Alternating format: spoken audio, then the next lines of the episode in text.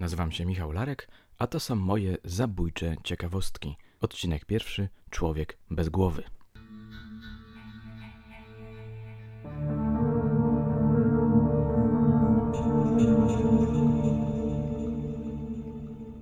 Zaczniemy dzisiaj od makabrycznej historii, która według ilustrowanego kuriera codziennego miała miejsce w Paryżu. Kiedy wrzuciłem print screena z tym artykulikiem w mojej grupie powieści Michała Larka, jedna ze słuchaczek napisała coś takiego. Brr, aż mam ciarki. Chociaż jak moja babcia odrąbywała głowę kogutowi czy kaczce, to też zdarzało się, że chwile biegały po podwórku. No dobrze, ale do rzeczy.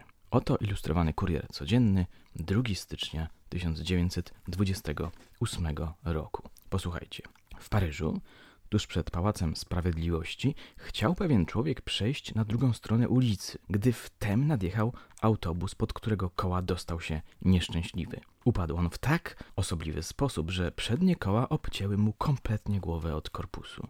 I oto co ujrzeli przerażeni, a zarazem zdumieni przechodnie. Korpus wstał, usiłował rękami badać przestrzeń przed sobą, tak jakby szukał głowy, którą chciałby wsadzić na kark, postąpił cztery kroki naprzód i wreszcie upadł na ziemię.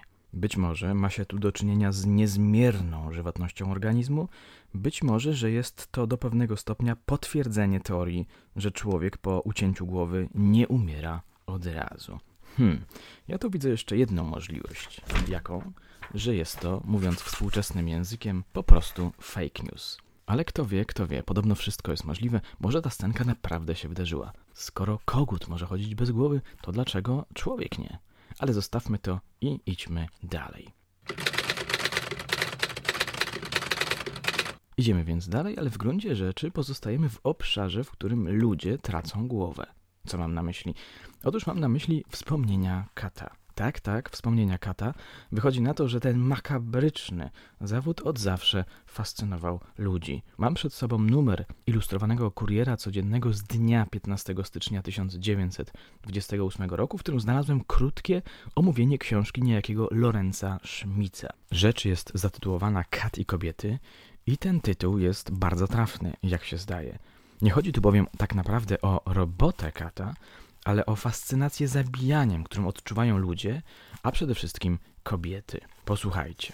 Świeżo ukazały się pamiętniki kata pruskiego Lorenza Schmitza, w których autor opowiada o 123 egzekucjach. Między innymi znajdujemy tam wiadomość, że wiele osób z Wyższego Towarzystwa Pruskiego prosiło nieraz kata, aby im pozwolił asystować przy egzekucjach. Schmitz pisze, Musiałem na te prośby, których rozstrzygnięcie nie pozostawało zresztą w mojej kompetencji, odpowiadać odmownie. Szczególnie napierały na mnie kobiety. Otrzymywałem listy od hrabin, baronowych i żon najwyższych dostojników, które pałały rządzą zaspokojenia swoich potajemnych, perwersyjnych namiętności.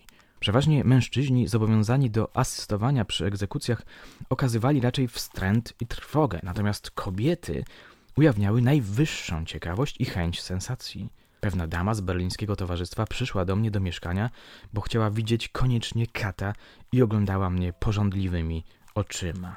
Prosiła mnie, abym jej jak najdokładniej opowiedział cały przebieg egzekucji. Kiedy jej oświadczyłem, że jej obecność przy akcie stracenia jest wykluczona, zaczęła mnie błagać i posunęła się do tego, że padła przede mną na kolana. Z trudem udało mi się tę kobietę wytransportować z mieszkania. Po kilku dniach otrzymałem od niej list, w którym ponawiała swoją prośbę, przypominając, że w Austrii rzekomo różne panie przebrane za mężczyzn były obecne przy wykonywaniu egzekucji. Inna kobieta, również z dobrego towarzystwa, prosiła mnie, abym jej pokazał narzędzie używane przy straceniu. Gdy uczyniłem zadość jej życzeniu, poprosiła mnie, abym dotknął toporem jej szyi. Odmówiłem stanowczo i wyrzuciłem ją po prostu za drzwi. Ciekawe, prawda? No cóż, jako autor powieści kryminalnych i podcastów z podznaku True Crime muszę potwierdzić, że kobiety rzeczywiście fascynują się zjawiskiem gwałtownej śmierci. Na początku swojej drogi myślałem, że będę twórcą dla mężczyzn, a tymczasem moim odbiorcą są głównie kobiety – które teraz oczywiście serdecznie pozdrawiam. Dziękuję, że mnie czytacie i słuchacie uściski. Panów oczywiście również pozdrawiam.